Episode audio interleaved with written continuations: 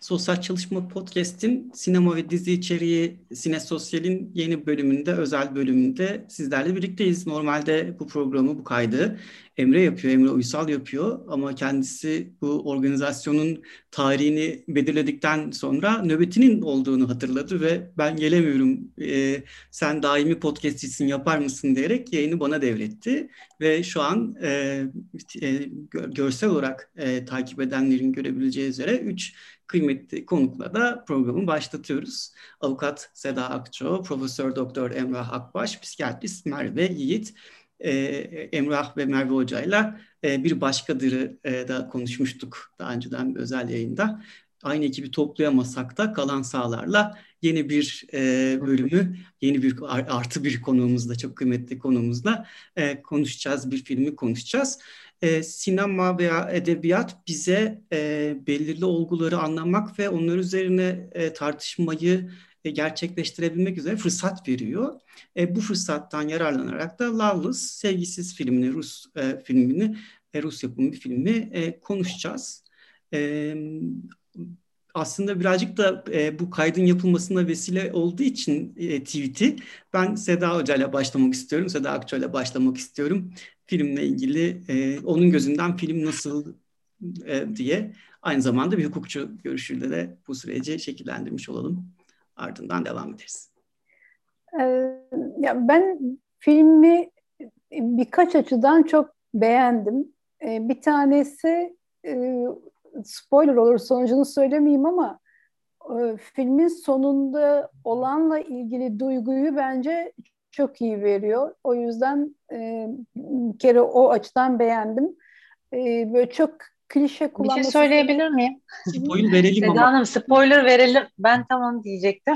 Yani şöyle, Sonuçta izleyenler dinleyecek bunu. Biz e, uyarı, uyarı yapıyoruz. Bu filmi izlemediyseniz dinlemeyin ya da izlemeyin diye kayda yani paylaştığımızı yapıyoruz. O yüzden film üzerine tartıştığımız için spoil vermeden tartışmak pek mümkün olmayacak. O yüzden verelim. Yani, peki iyi daha rahat. Hem de tüm, çünkü ben, tüm fikirlerinizi dinlemiş oluruz. Evet çünkü ben orayı çok önemsedim aslında. Yani film kısmı bakımından tek film kısmı ile ilgili söyleyebileceğim şey o.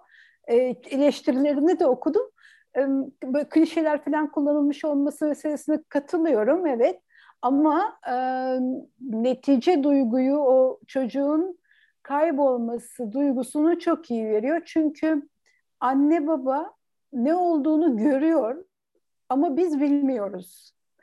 Ee, o yüzden de e, tam da bir bir çocuk kaybı ya da herhangi birini kaybeden e, yani vefat ederek etmek değil de işte kaybolması tam kayıp kelimesinin karşılığı anlamında kaybolan birinin kaybolduğu bir durumda e, hissedilecek şeyle kalıyorsunuz. Ben böyle birkaç gün hep şey hissi yaşadım. Acaba yaşıyor mu yoksa öldü mü? Yaşıyorsa nerede yaşıyor? E, birisinin eline geçti ve işte kötü amaçlı mı kullanıyor yoksa bir şekilde ama bir şekilde olsaydı e, bu ailenin haberi olurdu filan gerçekten birkaç yani insan birini kaybettiği zaman nasıl düşünür ise birkaç gün kendimi o düşünceden alamadım. Ben o açıdan e, iyi olduğunu düşünüyorum. Aynı zamanda da çocuk koruma konusunda çok fazla konuda konuşma imkanı veriyor. Birincisi anne babalık mitlerini yani o Bob Franklin'in söylediği mitleri yıkıyor. Adeta Bob Franklin'in fikrini e, filmleşmiş hali gibi nasıl öyle iş, e, içgüdülerle olmadığını bu meselenin bir hazırlık gerektiğini bir ama aynı zamanda yani bir içsel hazırlık bile dıştan destek gerektiğini falan çok iyi anlatıyor bence.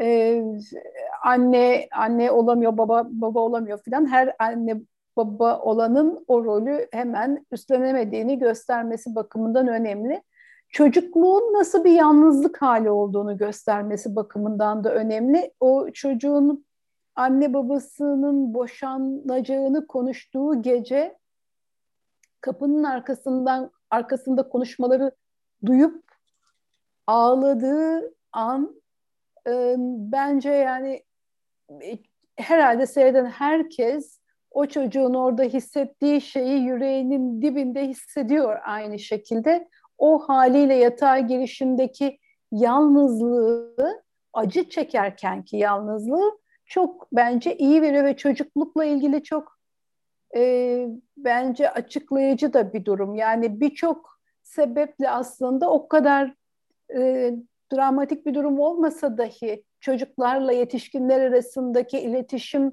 boşluklarının çocuğu nasıl yalnızlığa itebileceğini ve birçok çocuğun da bununla e, karşı karşıya olduğunu aslında yani çocukların tamamının bir parça böyle bir yalnızlıkla e, baş başa olduğunu göstermesi bakımından da bence o duyguyu da iyi veriyordu. E, ve netice olarak da, daha doğrusu şöyle diyeyim böyle her şeyi birden söylememiş olmak için bu kapsamda bir üçüncü şeyi daha e, söylemek isterim. Üzerinde e, konuşurken daha ayrıntıya girmek mümkün olur. E, bir de koruma sisteminin yani anne babaya eşlik eden bir sistemin olmamasının e, nasıl bir sonucu olabileceğini de çok iyi gösteriyor. Kimsenin umru değil bu çocuk. Annesinin babasının değil, annesinin babasının dışındaki hiç kimsenin de umru değil. E, bakım kolektifi diye bir e, kolektifin yeni e, çıkan bir kitabı var, Bakım Manifestosu diye. Orada umursamazlık diye adlandırıyor bunu. E, bakım kelimesinin İngilizce karşılığının hem bakım vermek hem de umursamak anlamına gelmesinden hareketle e, bu bakım yükümlülükleriyle ilgili bir genel umursamazlıktan bahsediyor sistemde. Bu tam onu anlatan bir film. Yani ciddi bir umursamazlık var herkeste. İşte kaybolmasından sonra müdahale eden polis memuru da aynı şekilde. E, boşanma konuşması sırasında mesela en çok korktukları şey e, eğer biz bir şekilde çözüm bulmazsak sosyal hizmetler başımıza ekşir, bak bela olurlar falan diye ondan korkuyorlar ama çocuk kaybolduğunda sosyal hizmetlerin de umrunda değil. Eğer e,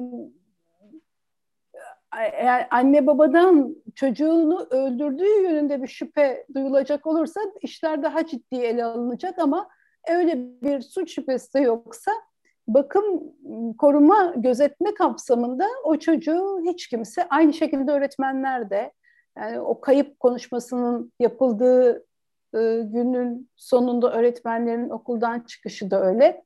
Kimsenin gerçekten umurunda değil. Bu bakımdan e, anne babaya eşlik eden bir koruma sisteminin ne kadar önemli olduğunu ortaya koyması açısından da bence çok e, iyiydi film. Üzerinde konuşulacak birçok konu oluşturmuş durumda. Teşekkürler. Ee, Emrah Hoca ile devam edelim. Eğer kabul ederseniz o şekilde ilerlemiş Tabii ki, tabii ki Umut'cum. Umut Hocam teşekkür ederim. Ben geçen defa da filmi Bir Başkadır dizisini böyle son dakikada hızlı hızlı izleyip bitirip öyle programa gelebilmiştim. Buradan Cihan'la Emre'ye de selamlarımı göndermek isterim. Onları özlüyoruz. Bir sonraki programda belki yine beraber oluruz onlarla. Yine aynı şey oldu. Yine son gün filmi izleyebildim. Hızlıca izledim ve bir fikir edinebildim film hakkında. Yani ne konuşuldu, ne edildi e, çok fazla bir fikrim yok. Yönetmen hakkında da bir fikrim yok işin doğrusu. Belli ki son zamanlarda yıldızı parlayan bir yönetmenmiş. E, fakat ben biraz e, yabancısı hissettim kendimi ama tarzına yabancı hissetmedim. E, son zamanlarda çok benzer işlerin yapıldığını teknik manada e, görüyoruz. Bizde de bir takım örnekleri var bu tarz bir şeyin, yönetmenliğin. Şimdi Seda Hocam e, çocuğun kaybından e, bahsetti. O çocuğun kaybına vurgu yaparken bana şunu çağrıştırdı. Ben de filmi izlerken aslında e, modernitenin kayıp çocukluğunun izlerini aradım. Yani çocukluğunu yitirmiş bir zamanı yaşadığımızı, bu filmin de böyle bir eleştiriyi aslında merkezine aldığını hissettim. Yani o sevgisiz, işte loveless isim tercihi de sadece bir çekirdek aile bağlamında, örneğinde bir sevgisizlik değil, yaşadığımız çağa dair bir sevgisizlik göndermesi gibi okudum. Bir tür kendi çocukluğunu yitiren çocukluğunu aslında sadece bu ebeveynin değil, belki Rusya özelinde Rus modernleşmesinin ama biz de be, belli bir takım benzer okumalar yapabiliriz. Yitirdiğimiz çocukluğumuzun izlerini aradık bu filmde. Ee, çocuğun kayıp olmasının böyle bir tarafı da var. Yani bize böyle bir arayış çağrısı yapıyor bu film. Yani ben öyle görmeye çalıştım en azından. Ee, daha en başında filmin bugün izlerken çocuğun isminin Alyosha olduğunu fark edince bende bir takım şeyler, sinyaller oluşturdu bu. Benim de ilk kedimin ismi Alyosha'ydı bu arada. Ee, Alyosha'yı çok özlüyorum. Yitirilen çocukluk gibi benim de yitirdiğim kedime bir özlemim var. Ee, Alyosha Karamazov kardeşlerin e, küçüğü. Önemli bir karakter. E, Dostoyevski'nin karakteri. Ve o Karamazov kardeşlerde de yine sevgiyi e, temsil eden bir karakter. Bu bakımdan bunun böyle bir bilinçli bir tercih olabileceğini düşündüm doğrusu. E, Alyosha isim tercihinin böyle bir bilinçli tercih olabileceğini düşündüm. Tıpkı Karamazov kardeşlerdeki gibi e, filmin merkezinde, Alyosha da Karamazov kardeşlerin merkezinde ama bir başrol oyuncusu gibi değil. Başka bazı aktörler, oyuncular etrafında dönen bir kurgu var.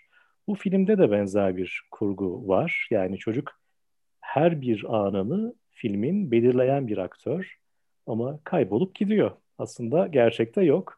Bu bakımdan da böyle bir benzerlik kurdum. Ee, ben çok severim Alyosha karakterini. Kedime Alyosha ismini vermem de bundan mütevellitti. Orada hissettiğim şey işte bu. Yani Dostoyevski'nin de yapmaya çalıştığı şey, bu yönetmenin de yapmaya çalıştığı şey. Belki de e, böyle bir bu yaşadığımız zamana, çağ, modernleşmenin geldiği bu evreye itirazı estetik bir biçimde ifade etmek gibi e, okudum, gördüm, değerlendirdim filmi. Bu bakımdan e, doğrusu beğendim. E, sosyal hizmet açısından belki birazdan değerlendireceğiz ama genel olarak ben evvela sosyal hizmetten evvel öyle bir e, ruhu olduğunu gördüm filmin. Her ne kadar e, işte Seda Hocam da klişe diye bahsetti. Zannediyorum kurgu çok tekrarlanan bir kurgu olduğu için klişe eleştirileri var diye tahmin ediyorum filme dair çok bilindik bir hikayeyi e, bize anlatıyor ve aslında çok da ters köşe falan yapmadan anlatıyor. Ama tam da yaptığı ters köşe belki bu. O çok bilindik, hayatın içinden an beyan şahit olduğumuz, hele bizim gibi sosyal hizmetlere çok yakın insanların e, çok da uzağında olmayan, sürekli temas ettiğimiz öyküleri bütün bir olağanlığı içerisinde aslında çok çarpıcı bir biçimde ifade etmeyi başarmış. Bu bana çok etkileyici geldi. Yani ilk bakışta yani ne var dedim yani bu filmde. Tamam bilindik bir hikayeyi anlatıyor ama tam da işte sihri belki burada e, bir tokat gibi yüzümüze vuruyor. Benim en azından oldu, böyle oldu. Tokat gibi hissettim. Bir yüzleştirme yaşattı bana. E, ve bu insanlarla hemhal olan, onlara yardım etme iddiası taşıyan mesleklerin de yitirdiği bir çocukluk olduğunu düşündüm daha sonra. E, şimdi orada sosyal hizmetlerden bahsederken ne kadar kaba, ne kadar ürkütücü, ne kadar yabancılaşmış bir dil kullandığını fark etmişsinizdir. Bu yani Hollywood filmlerinde de gördüğümüz bir şeydir. Sosyal hizmetler biraz böyle öcü gibi gelir. İşte orada belki bu filmlerde sosyal hizmetlere yaklaşımın sosyal hizmetlerin de kendine dönüp bakmasını gerektiren bir boyutu olduğunu söylemeli. Belki sosyal hizmetlerin de yitirdiği çocukluk sevgidir. Belki sosyal hizmetlerin de yitirdiği çocuk merhamettir bilemiyorum. Bu film bana biraz bunları söyledi. Yani profesyonel e, bir çocuk koruma sistemi, bakım sistemi filan elbette bizim de en çok ihtiyacımız olan şeylerden bir tanesi. Hele Türkiye gibi alabildiğine sosyal yardım odaklı bir sosyal politika anlayışının olduğu yerde tabii ki kurumsal bir takım sosyal refah hizmetlerine ihtiyaç var. Fakat bunun ötesinde başka şeylere de ihtiyacımız var. Zannediyorum o tam da filmin e, adıyla da bize söylediği şey sevgi, merhamet. Ben bu turda sadece bunları söylemekle yetineyim Umut Hocam. Daha sonra belki sosyal hizmetler üzerinde de devam ederiz. Evet. Evet Merve Hocam. Ee, siz, siz e, filmden çok etkilendiğinizi evet. eden bir Instagram postla paylaştınız. Evet. Hatta yönetmenin diğer filmlerini de izlemeye başladınız bildiğim kadarıyla. Aynen. Ben şöyle bu yönetmenden Leviathan'ı izlemiştim. E, o film de güzeldi ama niyeyse diğerlerine geçmemişim yani. Sonra bu e, Lawless'ı çok beğendim. Onun arkasından e, Elena bir de Return diye bir filmini daha izledim arka arkaya. Onlarda da hep böyle aileyi e, temel almış yani hani muhtemelen aileyle böyle bir mesajı olan veya bunu hani de, dert edinen bir yönetmen ve tarzı bana yani iyi etkileyici geldi. Bu filmle ilgili de e, o ağlama sahnesi çocuğun anne babasının kavgasını duyduktan sonra ağlama sahnesi çok etkileyiciydi. E, ama beni böyle o e, arama kurtarma çalışmaları sırasında e, o Alyosha diye bağırmaları ve hani onun yankılanması, cevap gelmemesi hani o kısmı beni çok etkiledi. Yani sonraki günlerde böyle o ses sanki kulaklarımda böyle yankılandı. E, onun dışında yine anne baba e, ve anneanneye göre yani aile o film içerisindeki en sevgi dolu insanlar bence sosyal hizmet uzmanlarıydı. Yani o gönüllü ekip bir de bunu gönüllü olarak yapıyorlar. Hani ben o kadar sevgisi olduklarını düşünmedim açıkçası. Sonra e, o çocukla ilgili sorular sorduğunda hani bir hobisi var mı diye soruyorlar. İşte arkadaşı var mı? Anne her şeye sanırım falan diyor. E, yine sanıyorsunuz falan. Böyle adam hani onu e, yani ailenin ne kadar e, ilgisiz oluşunu e, fark etti ve hani onun altını çizdi. E, sonra e, böyle biraz beni etkileyen yerlerden not almıştım da yani e, evet klişe bir hikaye aslında ama yani bizim genelde sanki toplumda gördüğümüz bilmiyorum siz ne dersiniz daha çok e, böyle e, ekonomik nedenlerle çocuğunu bir yerlere bırakma derdinde oluyor insanlar. Yani bir kuruma bırakmayı e, isteyenler yani en azından bizim toplumda. Hani burada e, ailenin öyle bir ekonomik kaygısı olmamasına rağmen yani çocuğa e, belki daha bireysel alanlarını korumak için ya da bir bencillikleri için yani çocuğu istemiyorlar gibi geldi. Hani e, bizde e, işte o da tabii yani yine ebeveyn olamamak ama yani e, ebeveyn rolünü üstlenememek, belki onun sorumluluğunu alamamak ama hani param yoktu da bakamadım, kuruma verdim gibi değil de hani böyle bayağı işte ben e, hani ikisi de böyle yeni hayat çizmişler. Yani şimdiden yeni e, partnerlere gelecek planları hazır.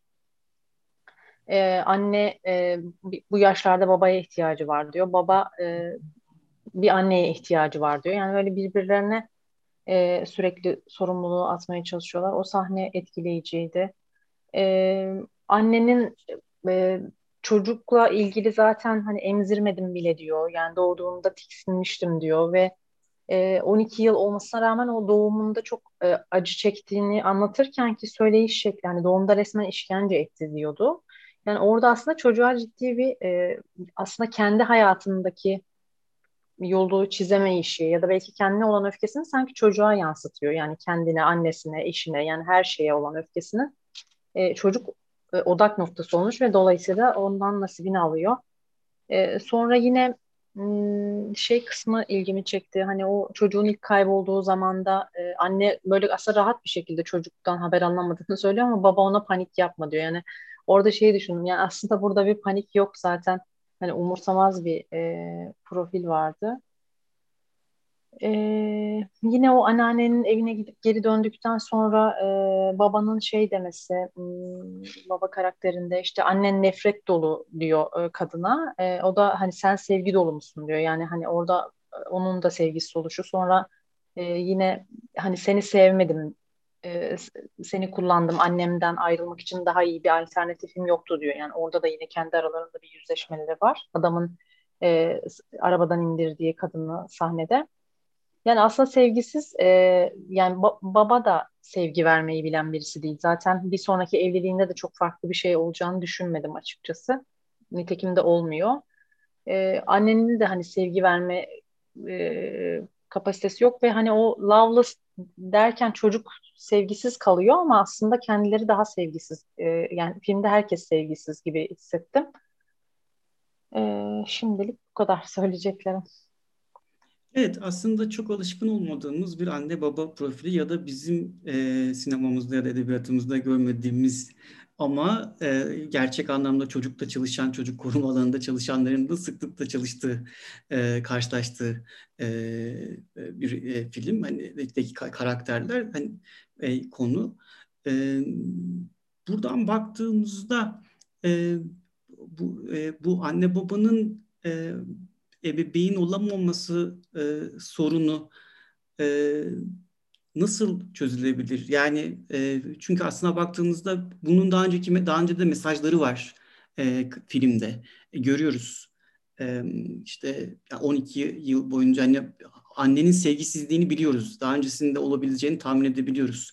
Yani çocuk aslında çocukla ilgili sinyaller farklı zamanlarda farklı şekillerde verilmiş olabilir e, gibi bir izlenim bırakıyor. Ne yapılabilir e, burada e, Seda Hocam? Ben e, Emrah Bey'in dediğine katılıyorum. Şeyi hatırlatmıştı bana da, e, onu not da almışım. E, Bauman'ın benlik pratiklerinde dikkat çektiği bir kavram var. Tüketim toplumunun yarattığı bir ruh hali olarak anlatıyor bireyin duygularına yabancılaşmasını. Burada da tam gerçekten öyle bir durum var. Yani o içinde bulundukları durumla alakasız bir duygu durumu içerisindeler. Ama bu gerçekten de herkese de yansımış durumda. Bir tek arama kurtarma ekibi daha ilgili görünüyor. Çünkü arayıp arama yapıyor ama onlarınki de aynı mekaniklikle süren bir e, iş. Bu bakımdan tamamına yansıttığı için bence gerçek ben de katılıyorum Emrah Bey'e. Yani bu modern e, belki şimdi e, geç modern denilen geç modern toplumun bu e, duygularına yabancılaşmış haline dair bir anlatım var ve bunun sisteme yansımasına dair bir anlatım var burada. Onun için sizin sorunuz çok önemli çünkü aslında modern toplumun yapmak istediği bu anne babaya eşlik eden e, toplum hizmetleri yaklaşımı aslında son zamanlarda bu özelleşmeyle, özelleştirmelerle falan birlikte gittikçe zayıflamaya başlamış durumda ve e, bu geç modern dönemde o görülmüyor ya da terk edilmeye başlanıyor. O tehlikeye dikkat çekmesi bakımından da önemli. Yani özelleştirmelerle bu hizmetler verilmeyi sürdürüyor ama e, hiçbir zaman gerçek bir eşlikte yok. Gerçi e, Rusya'daki bu yani filmi çekildiği yerde henüz öyle değil ama bir film daha var bu aralar bir belgesel e, Gabriel Fernandez'i kim öldürdü belki onun üzerine de konuşulabilir. E, tam Amerika'daki özelleştirme sonucunda bu sosyal hizmetin bağının kopuşunu anlatıyor. Şimdi bence burada e, bütün o sistem baştan sona e, ilgili olan her şeyiyle ele alınabilir. Şuradan başlıyor. Annenin hikayesini biliyoruz sadece. Babanınkini bilmiyoruz ama muhtemelen babanınkine de bakılsa benzer başka bir şey çıkacak. Annenin son derece sevgisiz, e, şiddet uygulayan bir annesi var. Ve buradan bir kurtuluş çaresi olarak küçük bir kız çocuğu evlenmeyi görüyor ve e, çok erken yaşta henüz anne olmaya, eş olmaya falan dair bir fikri yokken bir kurtuluş bileti olarak bunu seçiyor. Getireceği yükümlülükleri öngörmeden. Yani bir an, e, şeyin e, bir annenin kapasite yetersizliğinin fark edilmemesi sonucunda bir kere ilk bir çocuğun bir yanlışa sürüklenişi var. Oradan e, bu yanlışlar arkasından devam ediyor. An, o büyük annenin görmediği destek aynı şekilde e, annede de devam ediyor. O da fark edilmiyor yani iste e, ha, e, istemediği bir hamilelik yaşayan zorla ev, zor derken birisi zorladığı için değil ama bir kaçış olarak bir tercih olarak değil bir kaçış olarak evlenmiş çocuk doğurmayı istemeyen bir genç kadını fark etmiyor sistem. Doğurduktan sonra bakım veremiyor gene fark etmiyor sistem. 12 yıl bu çocuk çok ciddi ihmal ve şiddete maruz kalıyor. Mesela o eve bakmaya gelenlerin odaya girdiği sıradaki çocuğa davranışı annenin duygusal şiddet.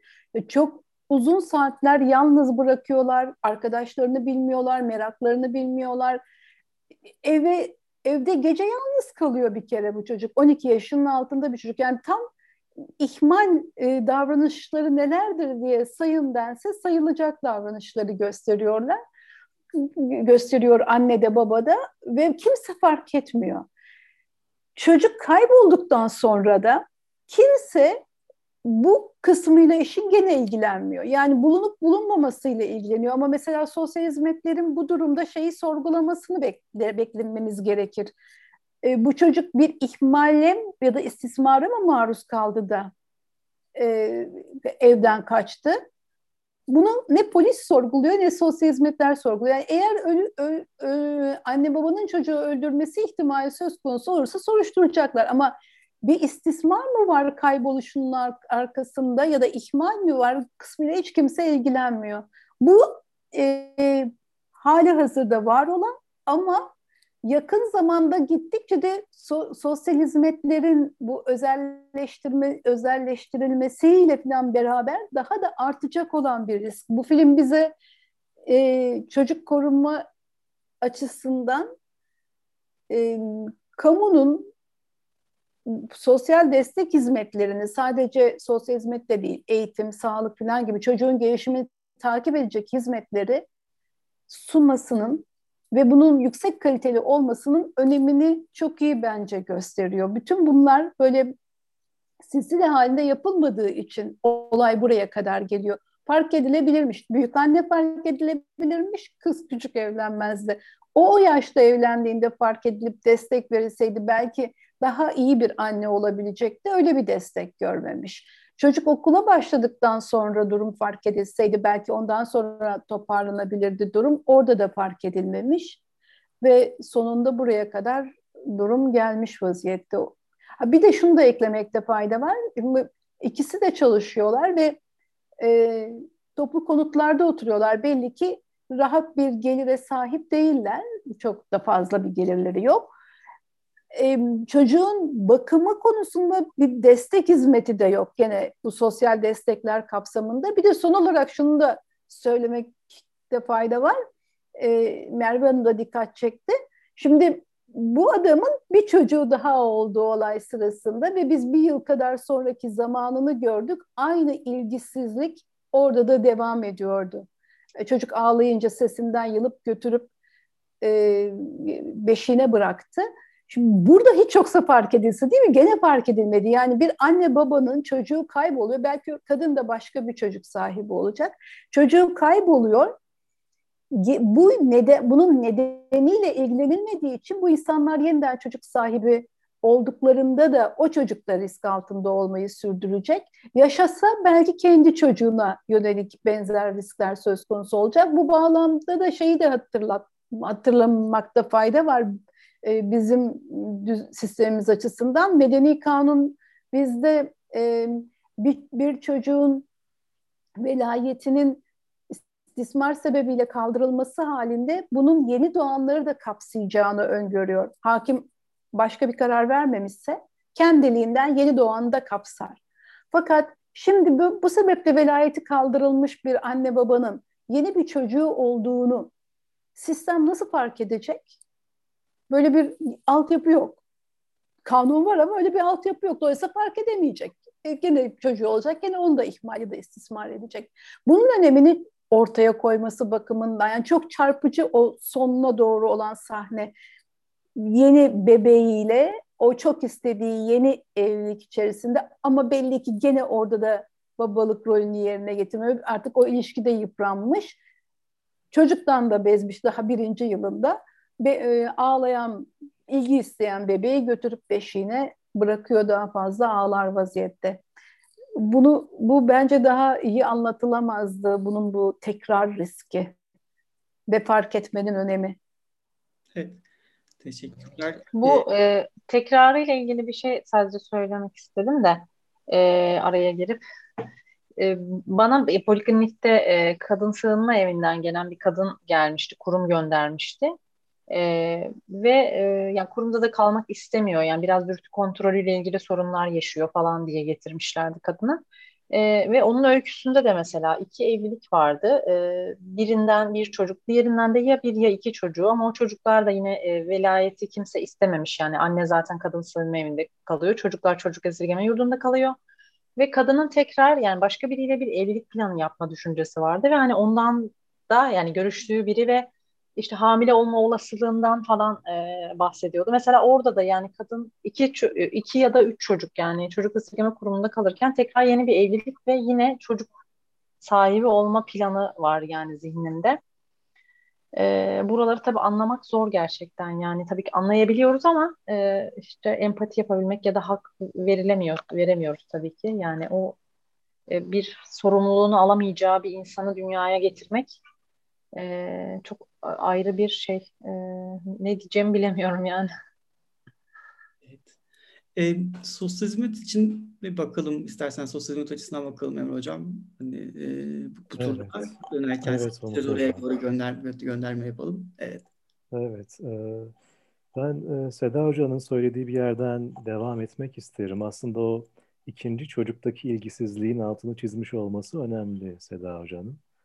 E, aslında bir şey var, kalıp var kendi e, kök ailelerinde de hem anne hem baba e, belli ki sevgisiz, ilgisiz, ihmal edilmiş bir çocukluk geçirdiler. E, bu ihmal edilmiş çocukluk bizim sosyal hizmetler sahasından çok iyi bildiğimiz gibi bir pattern oluşturuyor ve sonra benzer bir biçimde tekrarlanmaya devam ediyor. Belki de işte sosyal hizmetin insanlara dokunan, onların bulunduğu yerden başlayan bir kurumsallaşma içerisinde gerçekleşmiş olması çok önemli. İşte o pattern'ın tekrarlamaması için bir şekilde birilerinin müdahil olması lazım. E, rol modeller de yok ve işte bütün bir o yabancılaşmanın orta yerinde duygularını anlamlandırabilen insanlar da değil bunlar. Ben arada bir Esra Erol'un programına baktığım zaman bu filmdekine benzer bir duygularına yabancılaşma hali olduğunu görüyorum. Yani sıradan bir insanın çok acayip karşılaması gereken, çok tuhaf karşılaması gereken, e, gözlerini belki dört açması, hayretler içerisinde kalması gereken olaylar çok vaka yadiyeden olaylarmış gibi yaşanabiliyor, anlatılabiliyor, üzerine şakalar yapılabiliyor filan. E, böyle bir şey var, yabancılaşma hali var. Bu yabancılaşma hali işte o kök ailedeki sevgisizlik, ihmal edilmişlik, istismara maruz kalınmışlık durumunda da benzer bir şekilde gerçekleşebiliyor. Kendi yavrusuna, eşine, kurduğu yeni aileye bir yabancılaşma ve bütün bunların ötesinde belki yine o modernleşmeye vurgu yapmak gerekirse hazzı merkeze alan bir yaşam inşa etme durumu söz konusu oluyor. Yani hepsinin hayatında haz var. E, çocuğun kaybolduğu bir anda dahi e, hem anne hem baba sevgililerinin evinde kalabildiler. Onlarla sabahlayabildiler. E, yani hayatın merkezinde bencilce bir takım şeyler, ihtiyaçlar, haz arayışları filan var. İşte bu da o çocuk, aile vesaire gibi yapıları, kurumları anlamlandıramama belki de bunların ötesinde hayata dair bir anlam arayışının yokluğuna bağlı şeyler. Yani temelde sevgisizlik, ilgisizlik var ama aslında bir anlam boşluğu var. Bir anlam arayışı yok hayata dair. Bu da bir işte kalıp halinde devam ediyor. Ve bu kalıbın devam etmesinin önemli nedenlerinden bir tanesi de sosyal destek mekanizmalarının ortadan kalkmış olması. Şey vurgusu önemli. Şimdi anne tuhaf bir kadın yani anneanne daha doğrusu tuhaf bir kadın e, filmdeki işte çocuğun annesinin e, kendi annesiyle yaşadığı ilişki biraz hastalıklı bir ilişki filan. Anneanne daha dini bir yaşantıyı tercih etmiş. Yani işte o yine gelenekle e, modernite içerisinde bağın kopuşunu vurgulayan önemli şeylerden bir tanesi. Geleneksel dayanışma daha dini bir şeye referans yapıyor. Burada daha izole olmuş, kendi köyüne kapanmış ama modern yaşam içerisinde, kent yaşamı içerisinde o bağlar kopmuş ve atomlaşmış bir takım şeyler, insanlar söz konusu. İşte bu atomlaşmanın orta yerinde bir anlam arayışı ihtiyacı var ve fakat o ihtiyaç yok, karşılanmıyor, karşılanamıyor. O boşluğu dolduracak bir takım yeni alanlar açılamıyor. Ee, diğer taraftan bir şey var, işte tanrı sorgulaması var sürekli. Dinle işte mevcut yaşantı arasında bir gitgel var. O bütünüyle işte o kopan sosyal desteğe dair bir boşluğu bize ifade ediyor. Eğer kent hayatı içerisinde sosyal destek mekanizmaları ortadan kalktıysa ki bu filmdeki vakada kalkmış durumda. Ee, çocuğun işte anne baba kendi ilgileriyle meşgul olduğu zaman bakımıyla ilgilenecek birisi bile yok orta yerde kentleşmeyle beraber ortaya çıkan sorunlar. İşte burada sosyal hizmetin nasıl bir boşluğu doldurabileceği e, sorusunu soruyoruz. Bu önemli bir soru. Yani sosyal hizmet sadece insanlara bir takım e, rehberlik hizmetleri vermekle yetinen bir alan olmamalı. Bu çok önemli bir şey rehberlik hizmetlerini sağlamak ama öte yandan modern hayatın içerisinde çok önemli bir boşluğu da doldurma gibi bir misyonu söz konusu sosyal hizmetin. Bu bence altı çizilmesi gereken bir şey. Çünkü e, bizimki gibi işte Ruslar da benzer bir hikaye yaşıyorlar. O modernleşme krizlerini yaşayan toplumlarda cemaat miyiz, cemiyet olabildik mi, bir toplum inşa edebildik mi, geleneksel dayanışmamız devam ediyor mu gibi sorgulamaları çok uzun bir zamandır yapıyoruz. Fakat geldiğimiz noktada insanlar kent hayatı içerisinde olabildiğine atomlaşmış bir durumdalar. Sosyal destek mekanizmaları kalmadı. Bir ekonomik birim olarak da aile ayakta değil. Yani aile ciddi bir krizi hem ekonomik olarak yaşıyor hem sosyal olarak yaşıyor. Böyle bir noktada aile bu krizi yaşarken çocuklar sokaklarda çalıştırılırken, ihmal edilirken vesaire işte o cemaatten cemiyete geçişin lokomotif alanlarından bir tanesini sosyal hizmet oluşturur. Sosyal hizmetler sahası oluşturur. Bunu fark etmemiz lazım. Yani sosyal hizmetler niçin gereklidir? Bir toplumun cemaatten cemiyete geçiş krizini yönetmek için de gereklidir. Eğer bir sosyal destek kopuşu söz konusuysa insanlar bocalamaya başlarlar. Hele buna yoksulluk da eşlik ediyorsa e, artık gündelik hayatların rutinlerini sürdüremez, yönetemez hale gelirler. İşte bu noktada insanlara dokunan, onların mahallelerinde var olan mahalle merkezli, onların e, kolaylıkla erişebileceği bir mesafede olan bir sosyal hizmet örgütlenmesi hayati bir önem taşıyor. Bizimki gibi modernleşme krizlerini hala yaşayan toplumlarda. Çünkü insan, insanlar sosyal desteklerini yitirirken en temel becerilerini de yitiriyorlar. Yani şimdi kendi hayatlarımızdan düşünelim. Çocuk bakımında biz bir taraftan ebeveyn olmayı öğreniyoruz. Fakat ebeveyn olmayı öğrenirken kendi ebeveynimizden destek alma yoluna gidiyoruz. Türkiye'de hala çocuk bakımını anneanneler, babaanneler filan büyük oranda götürmeye gayret ediyorlar. Ama aynı zamanda kendi yavrularına da ebeveynlik becerilerini bir biçimde aktarıyorlar. Bunun olmadığı bir yerde bu boşluğun bir biçimde doldurulması gerekir. Yani buradaki işte o yine bir toplumun sevgisizliğinden bahsedeceksek sosyal hizmetin böyle de bir e, tarafı da var. Yani insanların en temel hayatlarını idame ettirmeye dair becerilerini değil sadece empatilerini de geliştiren, yitirmiş e, ruh köklerini ruh kökleriyle insanları buluşturan bir misyonu da var. Yani modernitenin krizini aslında aşmaya dönük araçlardan bir tanesini teşkil ediyor sosyal hizmetler. Aslında genel olarak sosyal politikalardan böyle bahsetmekte fayda var. Sosyal politikalar bu yaşadığımız e, krizleri aşmak için bir imkan oluşturacaksa işte böyle bir imkan oluşturacak. E, işin sadece kurumsal tarafı yok, işin aynı zamanda e, sempatik bir tarafı var, romantik bir tarafı var, manevi bir tarafı var. Çünkü ruh köklerini yitirmiş bir e, zamanı yaşıyoruz. E, şiiri olmayan bir çağ yaşıyoruz. Bu film aslında bize bunları da söylüyor diğer taraftan. Bir sürü e, Rusya'ya dair, Moskova'ya dair görüntüler izliyoruz filmde. Bu görüntülerde şehrin de aslında ne kadar sevgisiz olduğuna dair bize bir şeyler anlatıyor yönetmen anladığım kadarıyla. İşte o şehrin de yitirdiği, insanın da yitirdiği ruh kökleriyle buluşması için ne yapmak gerekir? Sosyal hizmet böyle bir e, boşluğu doldurabilir mi? Bence doldurabilir. Ama işte bunun için evvela sosyal hizmetin bununla yüzleşmesi gerekir. O arama kurtarma ekibi göl kenarına gittikleri zaman e, biz cesetlerle ilgilenmiyoruz dedi mesela. E, kayıplarla ilgileniyoruz dedi. Şimdi kayıplarla ilgilenmeye dair çok heveslilerdi. Ee, çok da sıkı bir ekip oluşturmuşlar ve güzel bir çalışma yürütüyorlardı.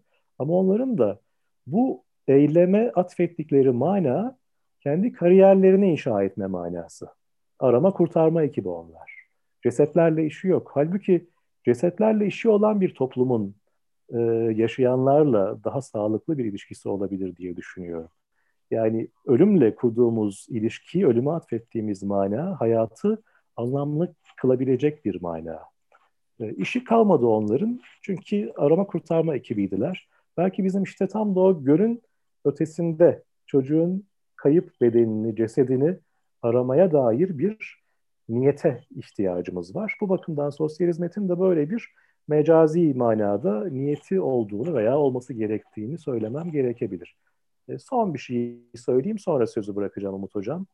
E, dikkat etmemiz gereken şey işte tam da o ikinci çocuktaki babanın çocuğu alıp kaldırıp atması bir tarafa. Ne için?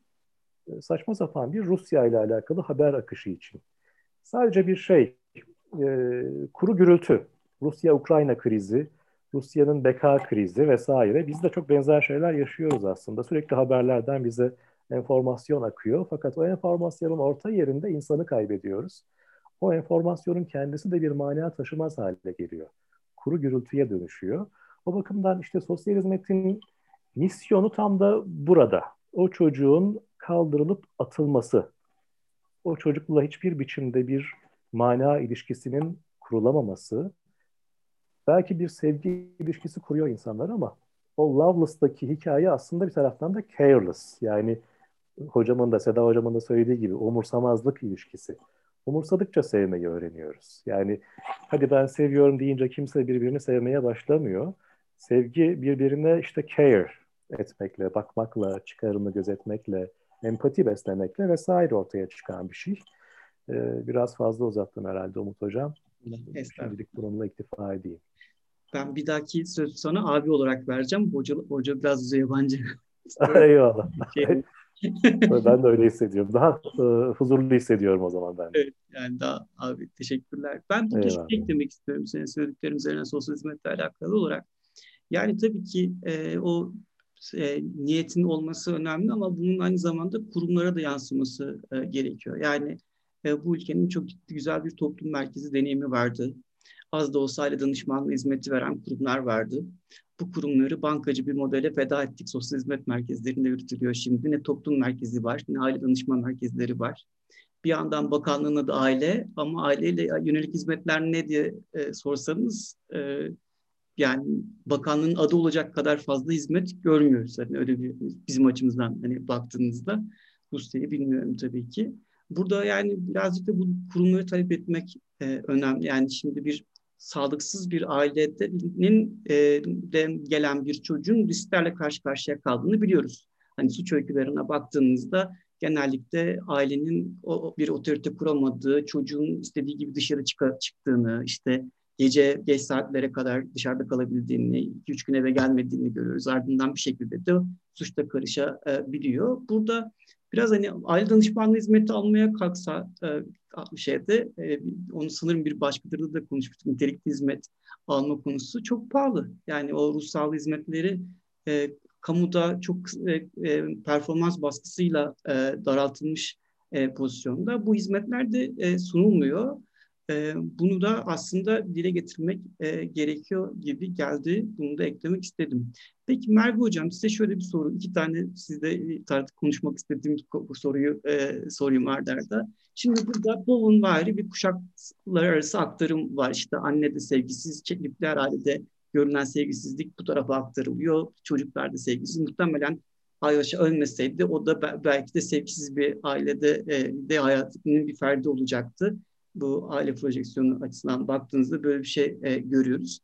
Böyle bir durumda ne değiştirilebilir ailede ya da aile işlevselliğini kazanabilir mi yoksa bu hani bizim tırnak içinde bencillik olarak e, tercih ettiğimiz e, olarak adlandırdığımız şey e, yönetilemez mi? E, birinci soru bu. Bir de e, hani bu film herkes için bir katarsis alanı doğuruyor. Herkes şimdi hani aklından çıkmayan sahneleri söyledi. Emre abi de belki dört yıl sonra yapsaydık bir sahneyle gidecekti hani bir filmle ilgili. E, bu katarsis alanları söyleyen yani filmin o duygusal boşalmayı, iç boşalmayı yarattığı hani belki de terapötik bir boyutu da olabilecek e, unsurları neler sizce? Hani bir psikiyatrist gözüyle baktığınızda e, neler olabilir?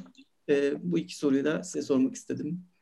Ben şöyle hani bencillik yönetilemez kısmında aslında sizin az önce söylediğiniz yani aile danışmanlığı ya da şimdi bizim toplumumuzda hani o, bu kadın için e, Alyosha'nın annesi için konuşursak yani çocuk sahibi olmanın ne olduğunu bilecek bir e, hani öncesinde bir hani yaş olarak da buna uygun değil psikolojik gelişim olarak da uygun değil. Ama belki yani şu an hala çocuk gelinlerin hani e, olduğu ve hani normal karşılandığı bir ülkede yaşıyoruz bir taraftan. Yani biz e, sağlık kurulu raporlarında yani 16 yaş ile 18 yaş arasında aile onayı varken evlenebiliyor ve aile e, evliliğin sorumluluğunu kaldırabilir mi falan gibi yani mahkeme bize gönderiyor evliliğe uygun mudur diye. Yani biz ona böyle uzun bir cevap yazıyoruz. Yani tabii ki yasal bir engel olmadığı için akli dengesi yerindeyse e, e, evlilik yapabilir diyoruz ama ona çok uzun bir cevap yazıyoruz.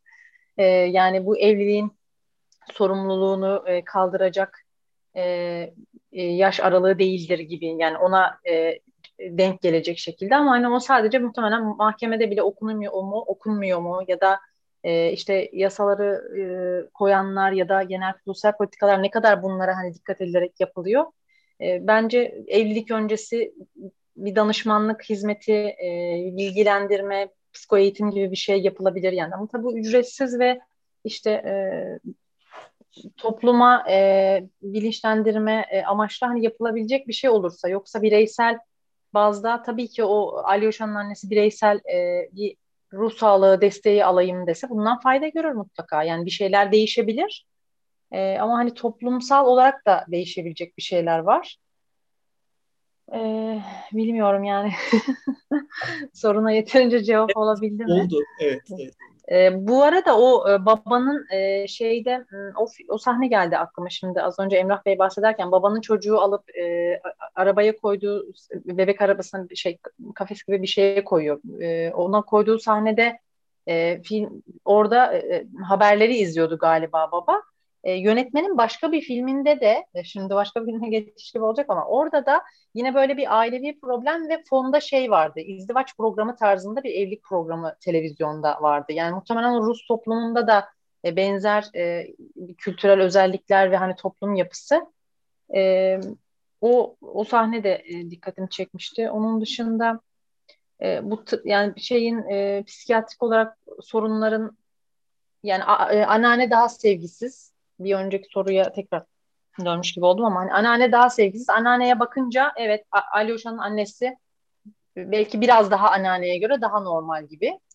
Ee, ama sonuçta o mesela bir yerde yine e, oğluyla ilgili e, güzellik merkezine o çalıştığı yerde bakım yaptırırken hani oğlunun ergenlik e, ergenliğe girdiğinden bahsederken e, işte babası gibi kokuyor diyor mesela.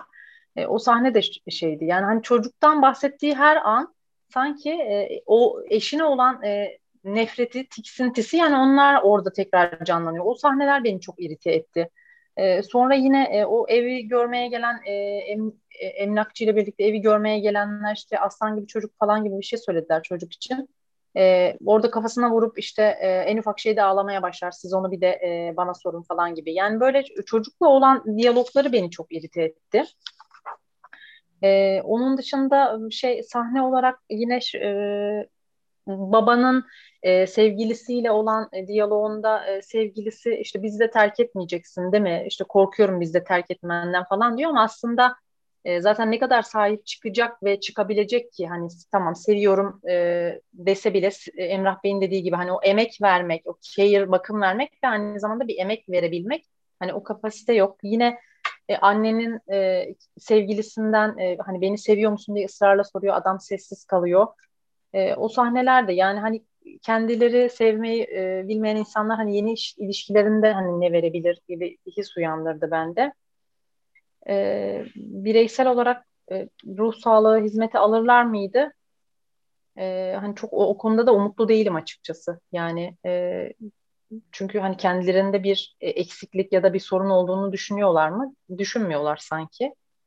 E, öyle bir şeyleri yok, öz eleştirileri ve e, çocuk bulunsa hani Alyosha bulunsa ne değişir? Yani bir taraftan filmi izlerken hani ne değişir ki falan oldum. Yani hani bulunması hiçbir e, anlam ifade etmiyor sanki. Yani çünkü hayatında bir çocuğun bir şey değişmeyecek.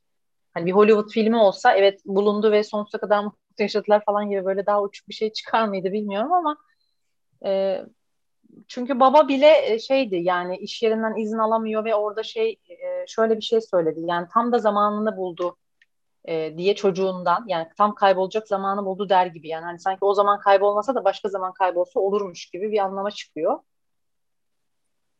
Bilemiyorum yani genel olarak hani filmi çok böyle onlar benim hastam olsa nasıl değerlendiririm orası ayrı konu ama e, filmi izlerken film izleyicisi olarak çok antipatik oldum kendilerine.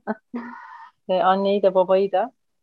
E, toplumsal olduğu kısmına bir de ben de katılıyorum. Yani hem sadece bir bireysel eleştiri değil toplumsal eleştiri de vardı. Hatta filmde en son sahnede de böyle üzerinde e, Rusya yazan bir e, şeyle yürüyüş yapıyordu anne. E, yürüyüş bandında. Üstünde böyle kocaman Raşa yazıyordu. E, yani o modern toplumun böyle sen özelsin, işte sen buna değersin, sen değerlisinin hani bireye sürekli bunun pompalaması ve onlardan sadece birey olabilmişler. Yani e, e, başka birine bakım vermek daha böyle şey e, çok sonra gelen bir şey olmuş yani. Birey olabilmişler mi sizce? Bir de hani bence orada da kendini gerçekleştirmeye dair de bir sanki bir sorun varmış gibi geldi. Hani Evet birey derken aslında Emrah Bey'in kastettiği hani haz odaklı hani bireysel hazları ve sadece bireysel kendi konforları anlık hazlar ama evet bir anlam arayışı bir erdemli bir duruş e, sergileyim e, onurlu bir yaşam süreyim falan gibi e, öyle dertleri yoktu. Şimdi isterseniz son tura doğru dönelim artık. Hani ben bir yandan da zamanı e, bakıyorum. E, podcast yapa yapa bu süreci öğrendim. E, Seda Hocam size e, bir değerlendirme için verelim sonra toparlamış olalım. Yani ben Emrah Bey'in başta söylediğiyle e, birleştirmek istiyorum Merve Hanım'ın söylediğini. Ben ya da bir de sizin sorunuzla ilgili olarak ben de şöyle bir duygu uyandırıyor. Kime giderlerse gitsinler sonuç değişmez. Çünkü gidecekleri kişi de onların benzeri olacaktı gibi e, bir tablo çiziyor yönetmen. Yani yönetmen filmde olumlu herhangi bir karakter kullanmıyor. O yüzden de şey umudu yaratmıyor. Bu bu kişiler aslında e, şu yolda ilerleselermiş olurmuş umudu yaratmıyor. Hiç bütün toplum açısından bir e, reddediş yani bu bu ruh hali sevgisizlik meselesi üzerinde e, bence şeyle çok da e, örtüşen bir şey bu e, bahsetmiş olduğum bakım manifestosundaki umursamazlık tespitiyle bütün topluma yer etmiş bir şey ve tam da işte o tüketim toplumunun yarattığı bir şey diyor. Tabii ki bir toplum topyekün böyle olamaz. Mutlaka destek alabilirlerdi ama yönetmen o kapıyı bence tamamen kapatmış gibiydi filmde. Hiç olumlu bir figür koymamıştı. E, bu bakımdan ümit e, e, var, ümit var olmayı sağlayacak bir figür koymamıştı. E, şey e, bu sevgisizlik halinin gene ümitsiz bir yerde bitmesine de sebebiyet veriyor bireysel yaşantılar bakımından da. Her ikisinin ikinci beraberlikleri de bir yıl kadar sonraki bir zamanda o şikayet ettikleri ilk beraberlik gibi filmin sonunda e, gayet birbirine yabancılaşmış iki kişi. E, o işte ilk zamanlardaki beraberlikten kaynaklanan zevk alma meselesi de ortadan kalkmış. Her iki ilişkide de aynı durum söz konusu. Kaçınılmazdı bu. İşte orada evet bir müdahale gerekiyor aslında. Birinin bir park etmesi lazım dedirtiyor ve bu bakımdan bence de sosyal hizmetler kilit nokta burada. Ama çocuk koruma e, sisteminin tamamına olan ihtiyacı da tekrar etmek isterim. Bu bakımdan mesela okulun rolü de önemli. İlk, mesela okul ilk gün devamsızlık yaptığında aramıyor. İlk gün aransa belki e, daha erken müdahale edilecekti.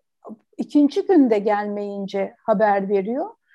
E, çocuğun bu kadar ilgisiz kalması haliyle hiç ilgilenmiyor okul kayıp oluncaya kadarki kısımda. Onun için e, topyekun bütün sistemle e, ilişkili bir e, ihtiyacı çok net ortaya koyuyor. Bence böyle çok alarm yani aslında. ne kadar bu bakım hizmetlerine ben bu bakım manifestosunun bu yaklaşımını çok beğendim bu bakımdan. Sadece sosyal hizmet değil, e, bakım meselesini bir bütün olarak ele almak. Orada şunu öneriyor.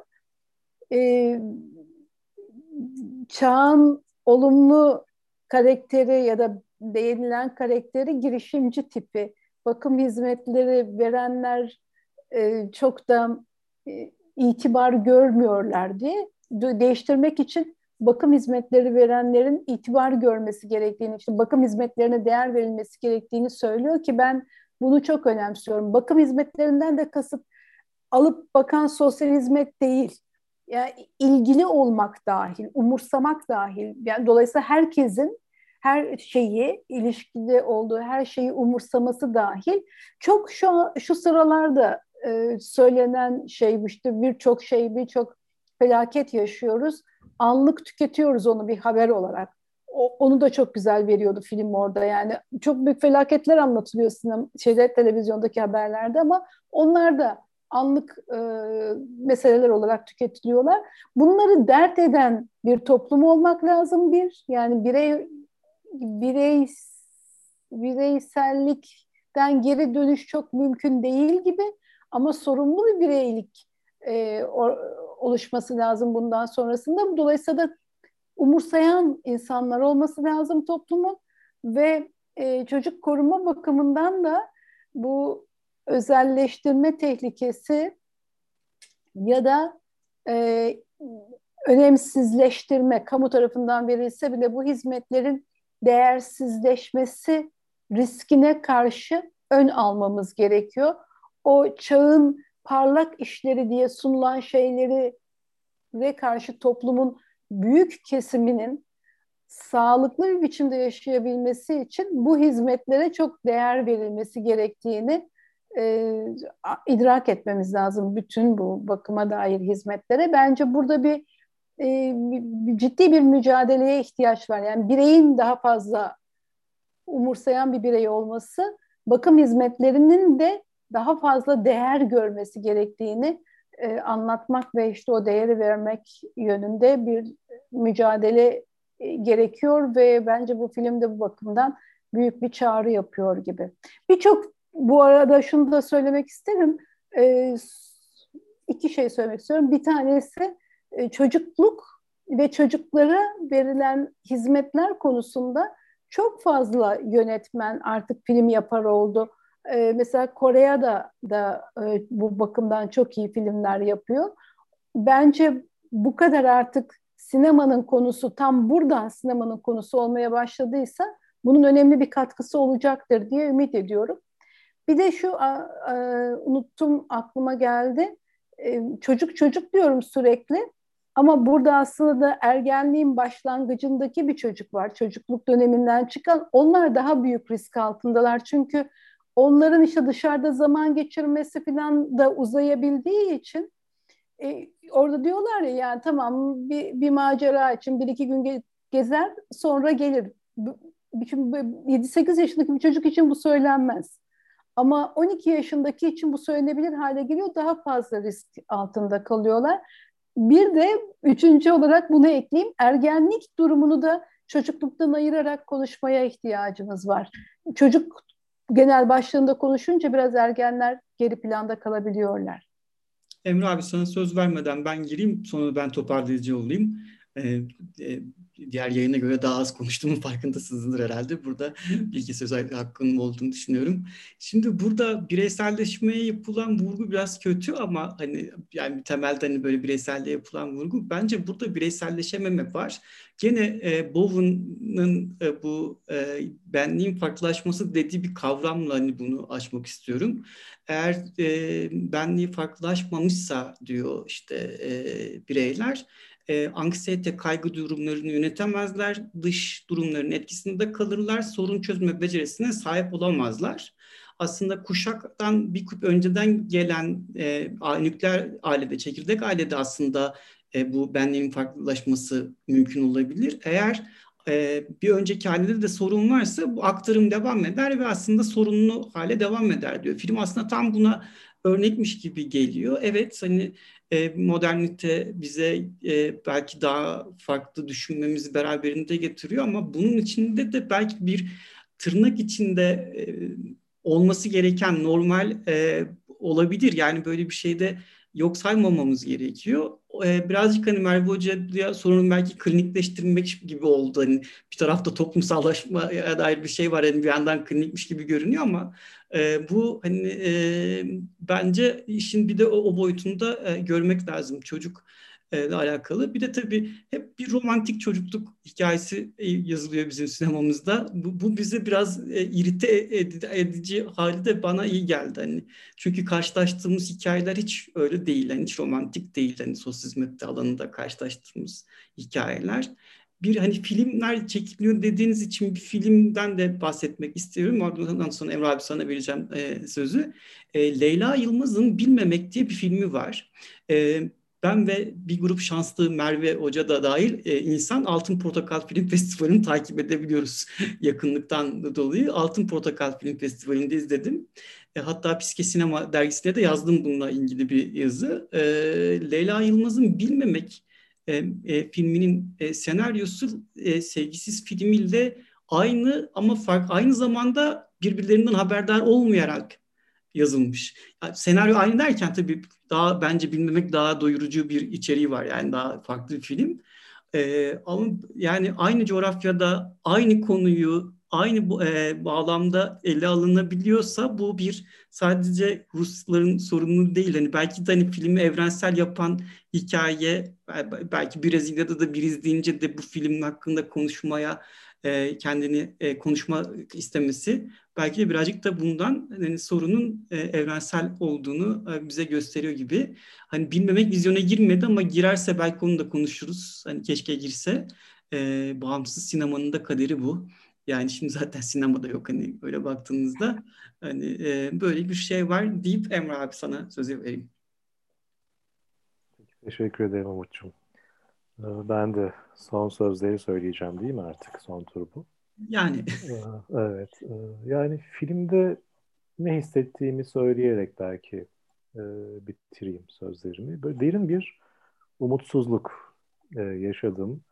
Merve hocamın o sözünü ettiği en son koşu bandındaki hareti ruhiyesi annenin derin bir umutsuzluk olarak bana yansıdı. Belki de böyle olması iyi. Yani bizim e, toplumsal gerçekliği bütün o umutsuzluğuyla, çaresizliğiyle e, yüzleştiren e, filmlere, eserlere ihtiyacımız var. Boş bir ümitle avunmak yerine yüzleşmek her zaman daha iyidir. Hele bizim toplumumuzun daha çok yüzleşmeye ihtiyacı var. E, belki benzer yapımlara bizde daha fazla ihtiyaç var.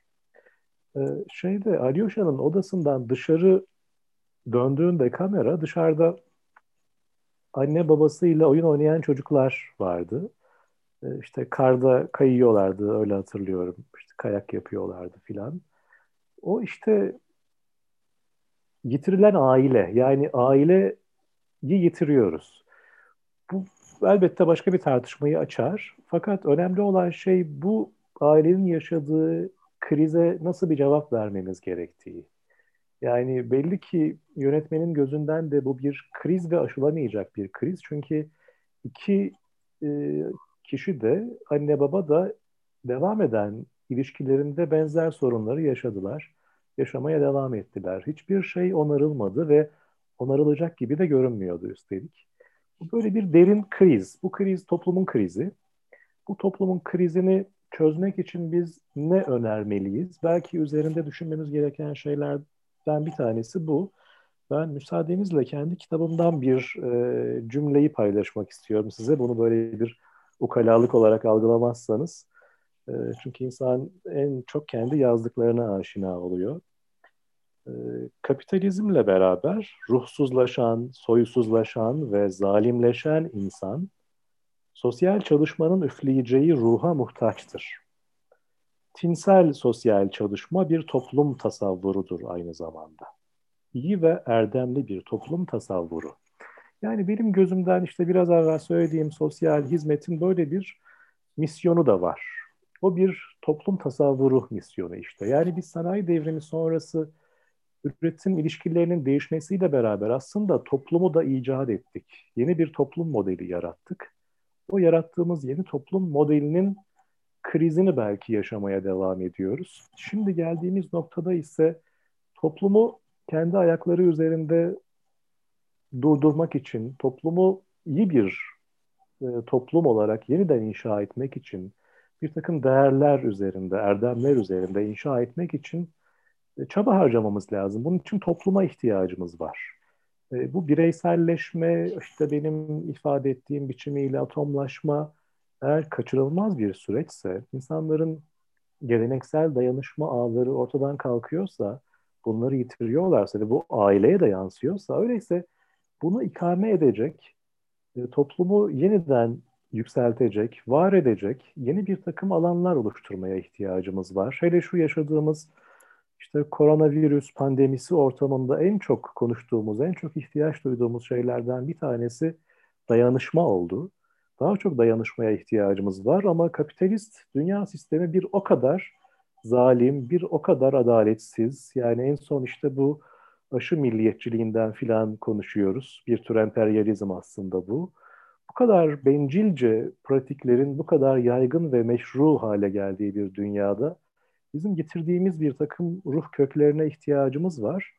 E, işte sosyal hizmete ben biraz bu zaviyeden bakıyorum. O yüzden Umut'cum senin o toplum merkezi vurgun çok yerinde.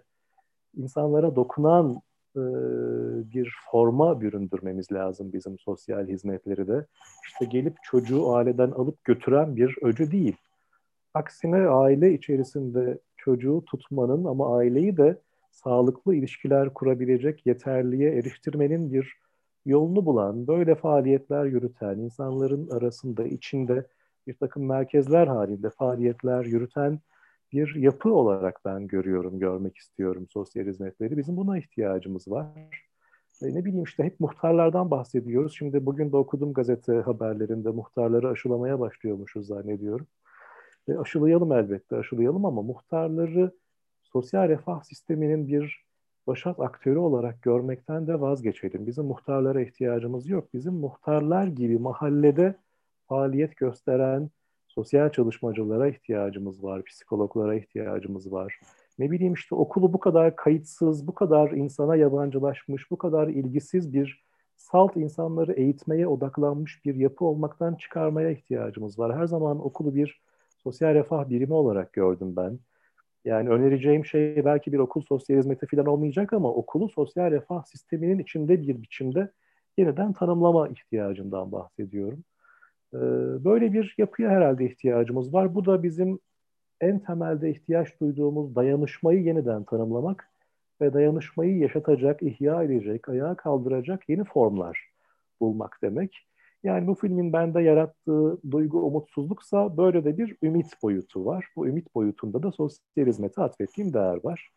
Ee, böylece bitireyim sözlerimi Umut'cum. Çok teşekkürler abi. Merhaba hocam. Ee, evet ben de e, şeyi söylemek istedim. E, Seda Hanım e, Japon sinemasından Kore'den bahsetti. Ben de çok seviyorum onun filmlerini ve onun filmlerinde de hep bir e, biyolojik aileyi sorgulama ve aslında e, aynı zamanda evlat edinme ve aslında biyolojik aile midir, bakım veren midir falan gibi e, gerçek aile bunları da sorguluyor. Oradan şu geldi aklıma yani biz mesela psikiyatri polikliniğinde evlat edinmek isteyen ya da koruyucu aile olmak isteyen kişilere buna uygun mudur diye psikiyatrik rapor düzenlenmesi istiyor isteniyor bizden. E, ama hani biyolojik olarak mesela anne baba olabilir mi diye kimse böyle bir şey sormuyor. Yani hani evlat edinirken bu irdelenen bir şey. Yani sanki o insanlar işte kurumdan bir çocuğu alacak ve istismar edecek gibi bir hani onlara o gözle bakılıyor. E, ama bir, bir insan biyolojik anne baba olduğunda o çocuğu istismar eder mi diye hani herhangi bir ön eleme bir şey yok. E, ya da evlilik öncesi insanlar raporlar alıyor ama o, o raporlarda e, çok bir sürü gözden kaçan e, işte yüzde elli zeka engeli olup e, yine de işte evlenen ve o yine sosyal e, sistemde atlanan diyeyim. Yani engel %50 zeka engeli olduğu halde aslında yasal olarak evlenme e, e, şeyi yok yasada tanımlanan bir şey yok. Ama evleniyor ve çocuk sahibi oluyor. Sonra o çocuklara bakılamıyor. Yani yine kuruma gönderiliyor.